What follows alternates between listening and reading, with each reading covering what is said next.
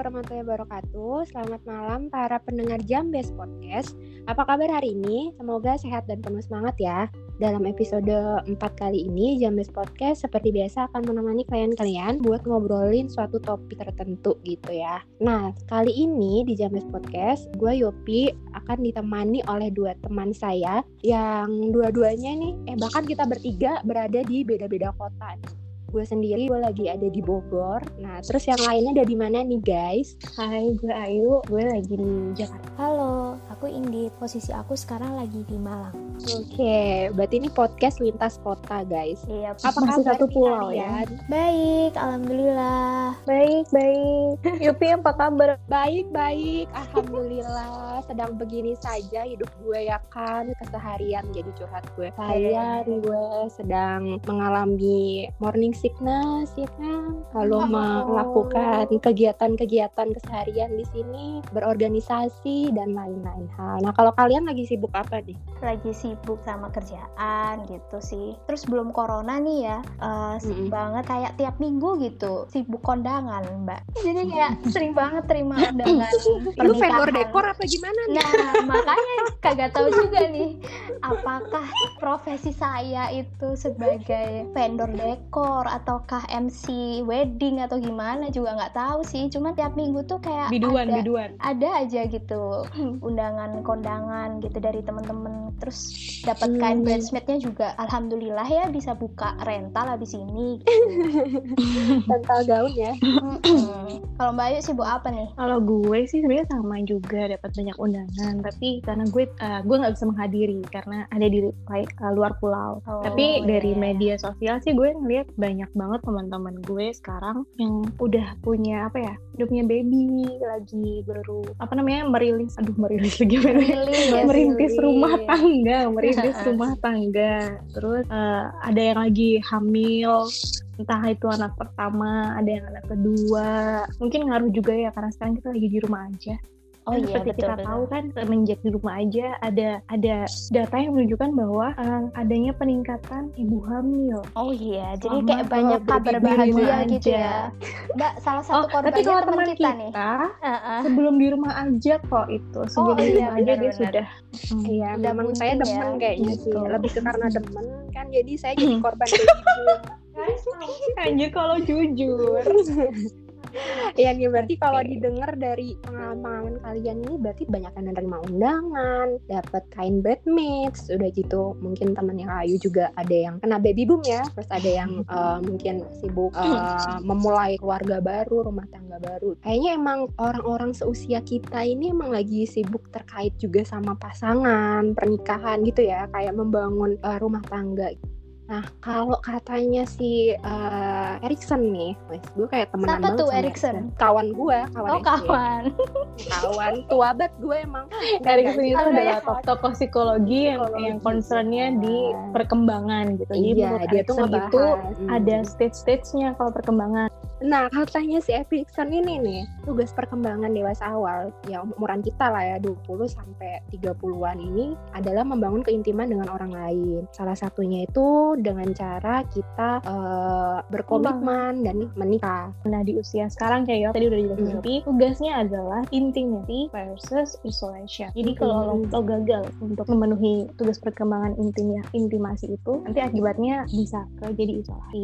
Yap, bener banget kata Mbak Ayu ketika seseorang individu di usia dewasa awal dia gagal membangun hubungan dekat atau menjalin uh, relasi dengan orang lain maka individu itu akan mengalami perasaan terkucilkan atau malah sengaja mengucilkan diri karena dia merasa beda dari orang lain yang seusianya terus juga dia nggak pede ada di masyarakat sehingga akhirnya timbullah uh, isolation seperti yang disampaikan Mbak Ayu tadi Nah, tapi sebaliknya, ketika individu itu bisa menjalin hubungan intim, hubungan dekat sama orang lain, maka individu itu akan merasa berhasil. Dia akan e, merasa berharga, diterima di masyarakat, sehingga juga lebih menikmati hidupnya gitu.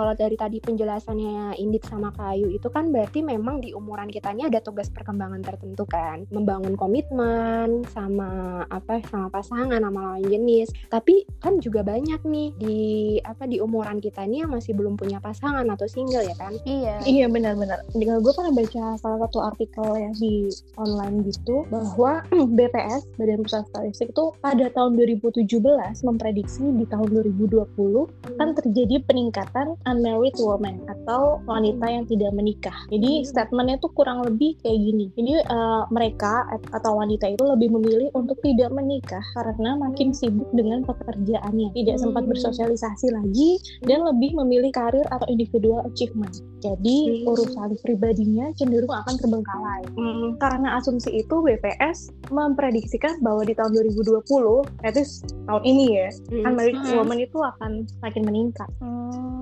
Nah, terus kalau misalnya yang single di masa dewasa awal ini kayak di 20 30-an itu uh, masih banyak, berarti mereka gagal dong buat memenuhi tugas perkembangan yang tadi disampaikan sama Pak Ersen gitu. Hmm, sebenarnya belum tentu juga sih. Aku pernah baca ada penelitian yang dia meneliti gambaran intimasi wanita lajang di usia dewasa awal. Ternyata Responden penelitian ini menunjukkan bahwa mereka mampu memenuhi tugas perkembangannya, yakni untuk menjalin hubungan intim dengan orang lain meskipun mereka nggak punya pasangan gitu. Nah, cara yang mereka lakukan untuk memenuhi tugas perkembangannya adalah uh, dengan menjalin hubungan dekat dengan orang tua, uh, saudara, dan teman sepermainannya kayak gitu. Jadi para single di usia dewasa awal tetap bisa kok merasa bahagia dan tidak mengalami isolation ketika mereka bisa menjalin hubungan dekat dengan orang-orang di sekitarnya. Oh. Mungkin yang perlu digarisbawahi adalah intimasi yang dimaksud bukan hmm. hanya dalam seksual tapi emosional. Jadi kedekatan hmm. secara emosional gitu. Dan itu kayak nggak terkotakan hmm. hanya dengan lawan jenis aja ya. Berarti hmm. tadi kan hmm. uh, ternyata buat keluarga misalnya kayak keluarga dekat gitu ya, keluarga inti, keluarga besar hmm. atau sama teman-teman itu tuh juga bisa memenuhi intimasi yang tadi hmm. dibilang jadi tugas perkembangannya ya. Kayak kita Wah. Kayak Alhamdulillah guys semua para jombloan, jomblowati, para single tenang. Kalian tidak gagal guys. Ya thank you ya ya. iya iya. Support Terima kasih teman-temanku.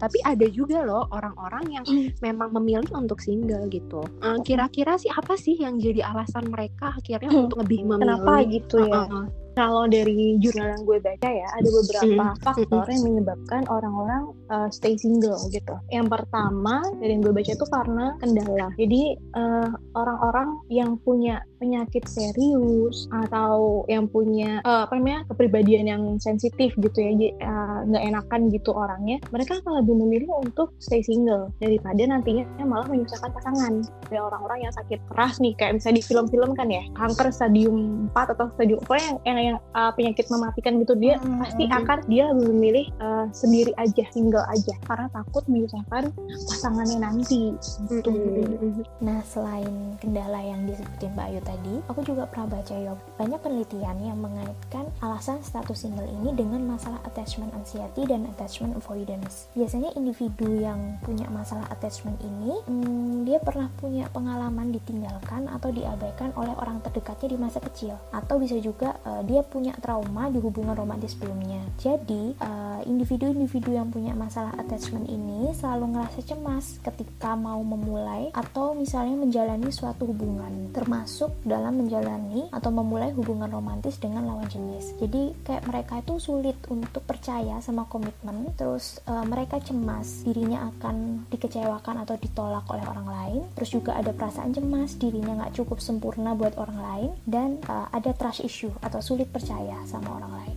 Nah, hal ini yang kemudian membuat individu-individu yang punya masalah attachment takut dan cenderung menghindar untuk menjalin hubungan romantis sehingga akhirnya mereka berakhir single dalam periode waktu yang cukup lama. Jadi uh, masalah attachment ini bisa jadi alasan kenapa seseorang itu akhirnya single.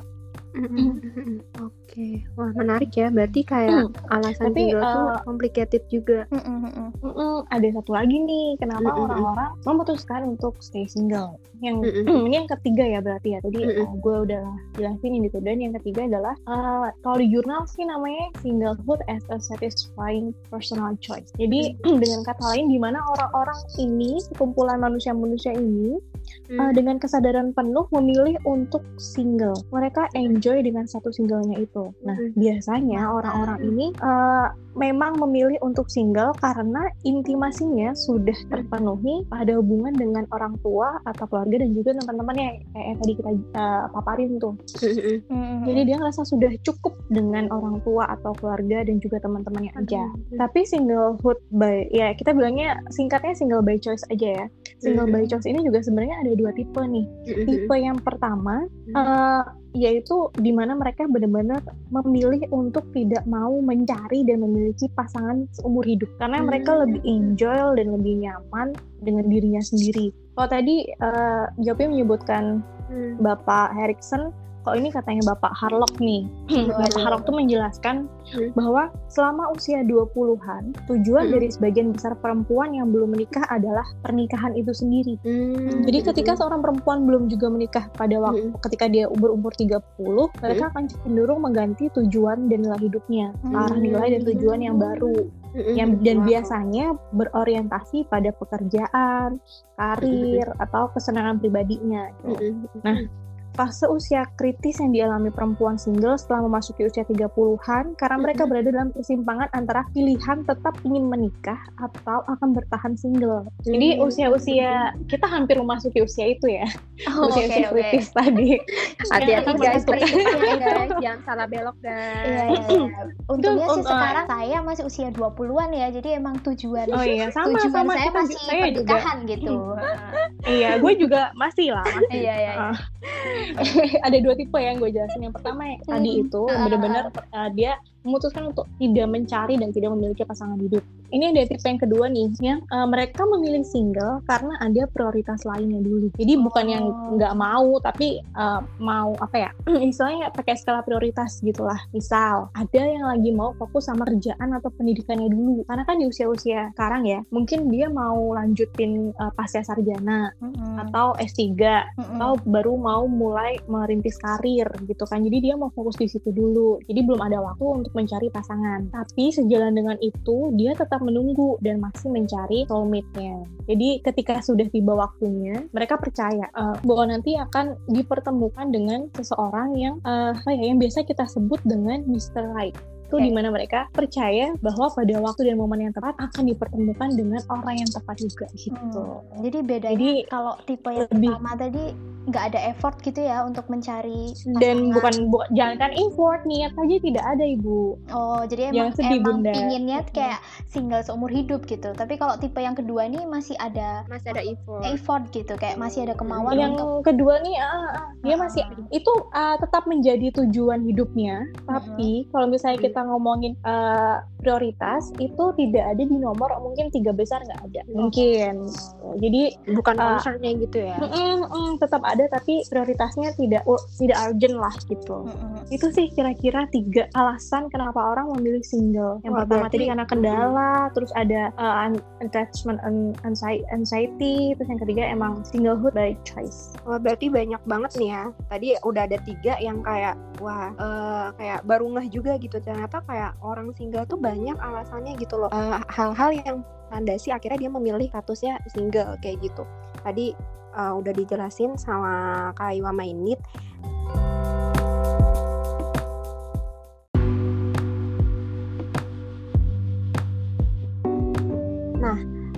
Tapi masalahnya adalah apa pun alasan orang-orang itu memilih untuk single yang disoroti oleh lingkungan kita, masyarakat sekitar ya kan, orang-orang di sekitar kita itu adalah statusnya. Jadi kayak dia tidak melihat gitu. Eh, alasannya apa sih? Tapi kayak lebih di highlightnya adalah oh dia kan single di umur segini dia single gitu loh. Iya, bener banget, Yop. Dan status single ini entah apa pun itu alasan kamu, pasti akan ada stigma dari masyarakat atau judgement dari orang-orang di sekitar kita. Terutama sih biasanya nih, uh, pressure-nya itu yang paling kerasa malah dari orang terdekat kita. Contohnya kayak keluarga sendiri. Jadi segala bentuk pencapaian para single ini cenderung diabaikan. Walaupun dia punya pekerjaan atau karya yang bagus tapi uh, yang dilihat tuh bukan oh dia CEO dari perusahaan ini gitu enggak. Tapi yang di highlight lebih ke dia udah nikah apa belum nih di usia segini tuh.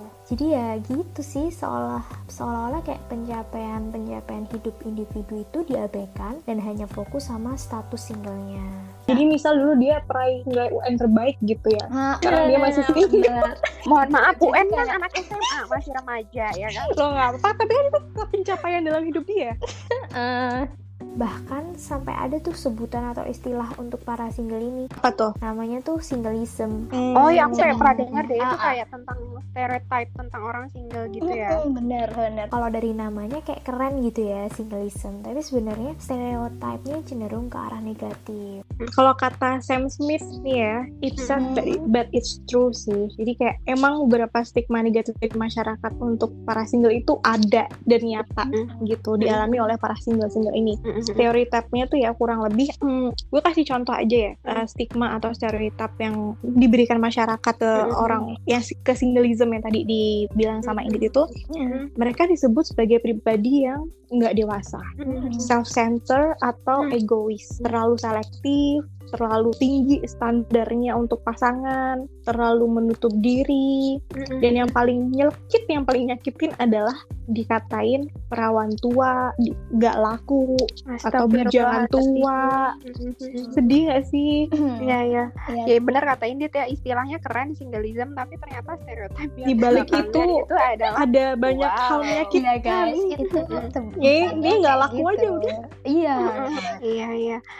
Kenapa ya kok kayak banyak tekanan banget nih dari masyarakat? Misalnya kayak ada orang yang usianya udah dianggap matang mm-hmm. secara sosial gitu ya, tapi dia belum nikah tapi kayak uh, kesannya itu tuh uh, banyak omongan itu tadi singleismnya tuh kayak kuat gitu loh di Indonesia ya kan emang kayak uh, aku juga pernah sih dengar kayak orang-orang itu pada ngomongin ya iya iya itu oh dia belum nikah gini gini gini padahal umurnya udah segini dia tuh hmm. sibuk sekolah gitu dia tuh sibuk karir kayak gitu kayak kesannya itu negatif gitu ya hmm. kenapa ya kalau di Indonesia banyak tekanan kayak gitu buat para single-single um, mungkin karena ini ya masyarakat Indonesia tuh budayanya cenderung kolektivis daripada individualis. Nah, salah satu ciri masyarakat dengan budaya kolektivis ini, uh, mereka tuh sangat peduli dengan peristiwa hidup atau urusan orang-orang dalam satu kelompoknya. Makanya itu sering banget kan kalau pas misalnya kumpul-kumpul entah sama keluarga atau temen, terus timbul pertanyaan dari orang-orang sekitar kita gitu. Yang bisa jadi sebenarnya suatu bentuk kepedulian, tapi bisa jadi kayak pertanyaan makjleb atau bumerang buat para single ini. Misalnya nih, pan nikah atau mana pasangannya? Terus kayak udah umur segini loh masa masih belum ada calon terus kapan nikahnya ntar jadi perawan tua kayak kayak gitu nih. Jadi kayak secara nggak langsung budaya kolektivis ini mempengaruhi kenapa di Indonesia tekanan atau pressure untuk menikah ini lebih kuat. Terus uh, biasanya nih perempuan yang paling banyak dapat tekanan dari masyarakat kalau kaitannya dengan pernikahan ya.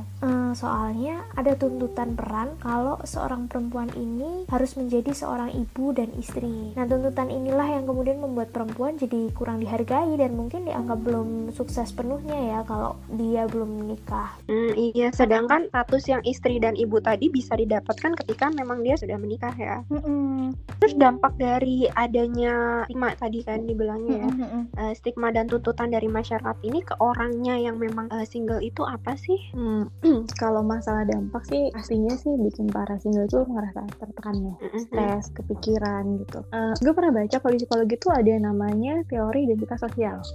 Jadi di teori itu menjelaskan ketika individu berada dalam suatu kategori sosial masyarakat dengan status identitas yang negatif atau inferior, mm-hmm. dia akan cenderung merasakan ancaman identitas. Nah, mm-hmm. dalam hal ini stigma masyarakat tadi yang kita omongin itu mm-hmm. maksudnya negatif kan ya. Mm-hmm. Jadi otomatis membuat para single ini merasa terancam nih mm-hmm. identitasnya. Mereka menganggap bahwa diri mereka berbeda. Mereka adalah uh, apa ya, itu tuh kaum inferioritas yang kadang akhirnya membuat orang uh, orang-orang ini ingin menjadi normal. Bagaimana normalnya normal tanda petik ya, yaitu memiliki pasangan, berpasangan. Nah, tapi kan uh, kadang tuh kita pengen gitu ya punya pasangan, tapi keadaan tidak mendukung gitu.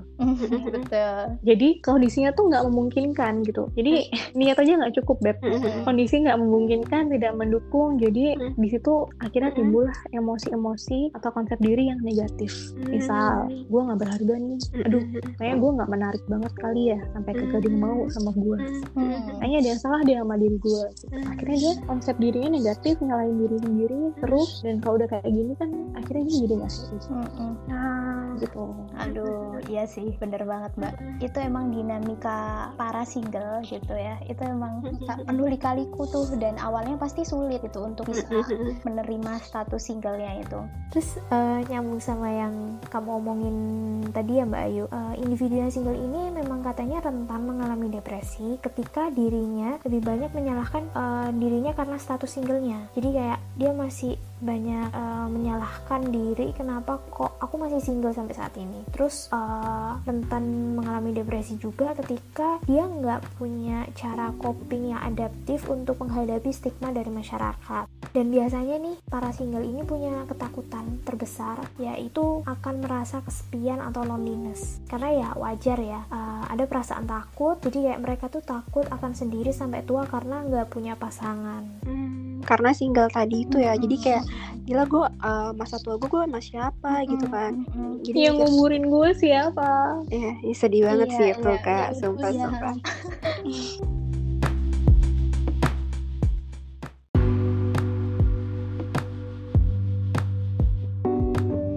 tapi ini uh, untuk mengatasi rasa kesepian itu ya hmm, dari jurnal yang gue baca ada namanya religious coping. Coping tuh ada banyak lah caranya ya. Tapi salah satunya untuk bisa mengatasi kesepian ini adalah bisa religious coping. Jadi religious coping itu adalah salah satu strategi yang cukup ampuh nih buat mengatasi loneliness atau kesepian. Nah, jika individu mengalami kedekatan dengan Tuhan dan merasa hmm. terikat attachment itu tadi ya dengan hmm. Tuhan, maka akan ada rasa aman, uh, rasa takut dan kesepian pun berkurang. Kalau curhat sama Tuhan kan juga kita nggak akan dapat judgment apa-apa kan. Tuhan kan nggak akan nyautin kita, nggak akan membalikan.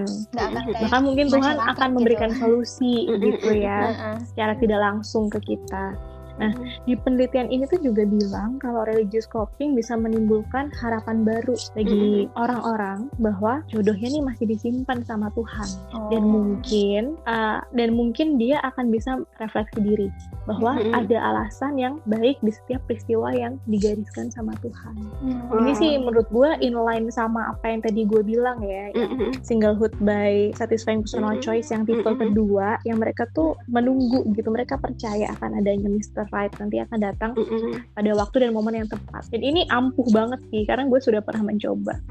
Mantap. Berarti belief, belief itu menciptakan suatu harapan gitu ya. Yang sampai mm -hmm. akhirnya membuat dia punya emosi lebih positif. Akhirnya mm -hmm. yes, dia punya betul. konsep diri yang lebih positif dan dia membantu dia lah untuk deal dengan situasinya yang saat itu gitu ya. Mm -hmm. Betul sekali. Bener. Terus ada juga nih para single yang mendeklar bahwa I'm single and very happy gitu ya. Nah ini emang bisa terjadi kok gitu ketika mereka para single ini bisa dealing atau nerima statusnya saat ini. Oh jadi tidak hanya sebatas lagu ya, berarti itu iya. beneran ada gitu dan betul, bisa betul, gitu betul. ya. Ujung-ujungnya ya tetap acceptance nggak sih? Pasti ya, karena kan kita menghadapi satu situasi yang mungkin uh, berbeda sama keinginan, mm -hmm. maksudnya keinginan dalam diri kita gitu kan. Jadi mungkin ya acceptance adalah kunci guys.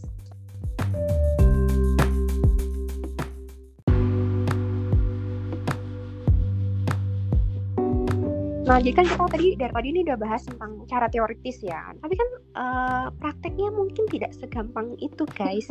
tidak segampang yang kita ucapkan tadi gitu. Boleh ketawa nggak? Kalian berdua nih kan masih single nih. Ya monggo ketawa Oh, guys. kata siapa? Oh, kata siapa apanya nih? status nih. Oh, ini berarti udah ganti status. oh. Lanjut, lanjut Nah kan kalian berdua ini masih single, uh, pasti pernah dong kayak ngalamin yang kayak tadi kita udah bahas. Bisa sharing sedikit nggak sih gimana sih pengalaman kalian gitu lah, yang sampai akhirnya uh, apakah kalian sudah menerima status kalian ini gitu? Kamu masuk tipe yang mana? Wah gue sih tipe tipe singlehood by satisfying choice yang tipe kedua beb Oh, yang kedua. Alhamdulillah. Alhamdulillah, ini berarti Hmm. religious Jadi- coping nih dia nih. Ah, Dan Oh, masih, tentu. ini masih membuka hati guys berarti. Oh Alhamdulillah. tentu. Walaupun di rumah aja hati tetap terbuka. Oke. Open house guys. Open heart dong. Jadi kalau lu gimana Ah. nih pengalamannya? Kalau gue sih lebih fokus sama pengembangan diri yang bisa dilakukan ya. Gitu. Jadi eh, kita refleksi nih kira-kira tanggung jawab kita saat ini apa, peran kita saat ini apa gitu. Karena kan mm, tiap makhluk hidup, tiap manusia pasti punya tanggung jawab akan perannya masing-masing ya. Silangnya tuh kita punya bunga peran yang berbeda-beda dan tiap bunga peran tuh ada tanggung jawabnya gitu. Jadi apa pun yang bisa dikembangkan ya kembangkan lah. Kalau gue beri contoh mungkin hmm, di situasi gue saat ini yang bisa gue kembangkan adalah karir gue, pengetahuan gue, wawasan gue, yaitu yang gue tingkatkan, skill gue, kompetensi itu yang berusaha gue tekankan, eh, gue tingkatkan dan terus keep moving gitu. Nah, mm, bisa juga eh, kalau misalnya kayak gitu terus kan capek ya, kita kayaknya eh, usaha terus nih, lama-lama kan capek ya, kayak roda muter terus, mesinnya mobil deh jalan terus, mesinnya panas, perlu pendinginan nih, biar nanti jalannya lebih enak lagi. Pendinginannya kalau gue biasanya gue akan eh, self talk dan ngasih afirmasi positif ke diri gue sendiri. Ini sebenarnya agak mirip ketika curhat sama Tuhan sih, tapi ini gue lebih kepada diri gue sendiri. Kayak gue say thanks sama diri gue sendiri atas apa yang sudah dilakukan hari ini. Misalnya hari ini gue uh, produktif bekerja, uh, I will say thanks to myself gitu. because uh, gue udah selesai um, menyelesaikan pekerjaan gue, gue produktif dalam bekerja, gue mm, mungkin hal kecil aja ya gue makan dengan teratur, gue menjaga hidup sehat, kayak kayak gitu sih. Jadi bener-bener ngasih mm, ngasih afirmasi positif ke diri sendiri. Kayak gue kuat nih, gue bisa. Terus terus berpikir positif kayak kayak tadi em, nanti gue akan ketemu kok sama Mr. Right pada waktunya. Berarti uh, kalau Gitu sih, caranya yang Kak Ayu pakai ini berarti kayak fokus ke tadi mungkin bahas kalau apa bunga peran ya. Mungkin teman-teman pendengar ini ada juga yang nggak paham nih Bu, bunga peran yang dimaksud apa sih Kak? Oh, bunga pernah yang maksud oke. Eh, jadi ini kita ibarat manusia tuh diibaratkan sebagai bunga ya. Bunga kan ada beberapa kelopak. Kelopak satu kelopak itu mencerminkan peran lo. Kalau gue misal, eh, kelopak yang pertama adalah sebagai anak, kelopak kedua sebagai kakak, sebagai yang ketiga sebagai adik, yang keempat Mm. sebagai pekerja, yang kelima mungkin as a myself gitu. Yang punya goal sendiri-sendiri gitu loh. Oh jadi Gitu sih. Jadi kita punya peran-peran dan uh, Kak Ayu deal sama statusnya itu dengan cara fokus ke peran yang lain. Maksudnya mungkin ada peran uh, peran pasangan belum ada, tapi kan kita masih punya peran yang lain. Di situ kita bisa Betul. mengembangkan diri gitu ya. Mm-mm-mm, that's right. Oke, mungkin kalau ini ada cara lain yang udah pernah dilakuin atau dinamikanya gimana? Sebenarnya kalau ngomongin dinamika prosesnya emang nggak gampang sih Yop untuk akhirnya bisa tetap enjoy dengan status single ini. Apalagi ada stigma dari masyarakat tadi. Awalnya aku juga gitu tuh Yop kayak sering ngerasa insecure ada pikiran apa aku nggak menarik ya? gitu. Terus juga kayak memandang status single ini sebagai suatu nightmare tapi akhirnya aku sampai di suatu titik aku sadar kalau misalnya kita terlalu fokus sama pikiran-pikiran negatif maka emosi dan perilaku kita juga ikut negatif. Nah saat itu aku sering ngerasa sedih kecewa marah malu gara-gara aku memikirkan hal-hal yang negatif. Sehingga akhirnya ujung-ujungnya nih aku jadi penarik diri dari orang lain. Jadi akhirnya aku pelan-pelan belajar untuk mengubah sudut pandang dan cara berpikirku tentang diri sendiri dan status singleku. Aku coba evaluasi diri, cari bukti apakah memang aku nggak menarik dengan tanya ke orang-orang terdekatku. Terus aku coba tulis tuh sisi positif yang ada dalam diriku dan sisi apa yang perlu aku kembangkan supaya nantinya aku bisa ngerasa lebih berharga dan sayang sama diriku sendiri.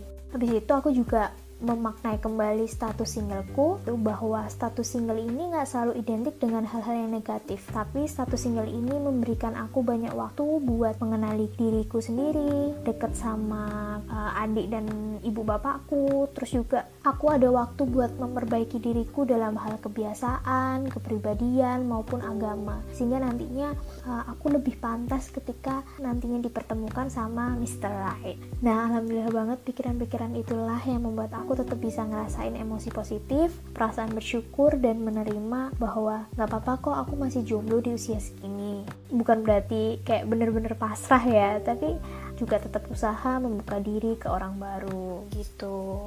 Ya, berarti dari pembahasan tadi kita dari awal sampai yang terakhir ini, berarti kayak uh, orang tuh single bisa loh bahagia meskipun memang uh, dia kan pasti punya faktor risiko ya. Tadi misalnya kayak dia pasti menghadapi stereotip atau singleism tadi itu yaitu stereotip negatif tentang satu single kan dari lingkungannya yang mungkin itu akan menimbulkan emosi negatif, pikiran negatif gitu kan. Tapi dia juga punya kok uh, pilihan untuk deal with it gitu loh. Tadi mungkin uh, ada cara-caranya ya yang udah Indit sama Kayu sampaikan sebelumnya bisa dengan menjalin relasi ke Tuhan gitu kan, mendekatkan diri ke Tuhan kayak gitu kan. Uh, religious dan, coping. Oh iya, namanya adalah religious coping Terus mungkin kita juga bisa fokus ke pengembangan diri kita atau kita juga bisa uh, mengubah tadi ya pandangan kita insecure jadi bersyukur. Jadi orang single bisa kok dia tetap hidup dengan singlenya dan dia tetap happy gitu. Dan orang yang uh, single tuh punya kok pertimbangan atau alasan sendiri yang mungkin kita nggak tahu gitu kan.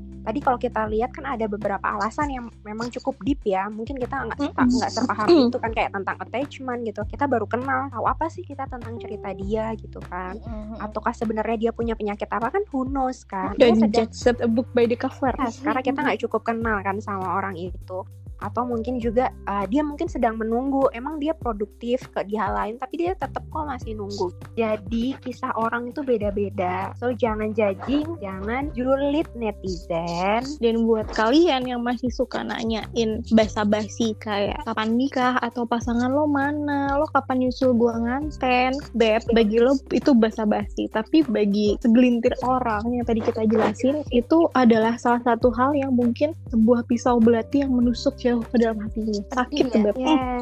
seakan-akan hmm. orang itu tuh kayak melakukan kesalahan atau punya aib gitu kan. Padahal kan hmm, padahal single is not a crime guys. Tuh bener banget cuy. Dan sebenarnya nih being single means you are strong enough to wait for what you deserve. Karena menunggu itu adalah pekerjaan yang sulit dan menjemukan gak sih? Jadi kalau kalian uh, single dan masih sabar menunggu pasangan yang memang layak buat kalian sampai saat ini kalian hebat. Yes betul. Tetap semangat ya buat para single di luar sana semoga teman-teman yang masih single segera dipertemukan dengan pasangan yang memang pantas dan terbaik buat kalian eh iya kita nih punya rekomendasi lagu yang kayaknya relate banget nih bisa menggambarkan kondisi para single yang masih open heart. Yap, bener banget. Judul lagunya adalah Dear No One dari Tori Kelly. Check it out. Thank you for listening and see you, see you in the next, next episode. episode. Bye. Bye. Bye.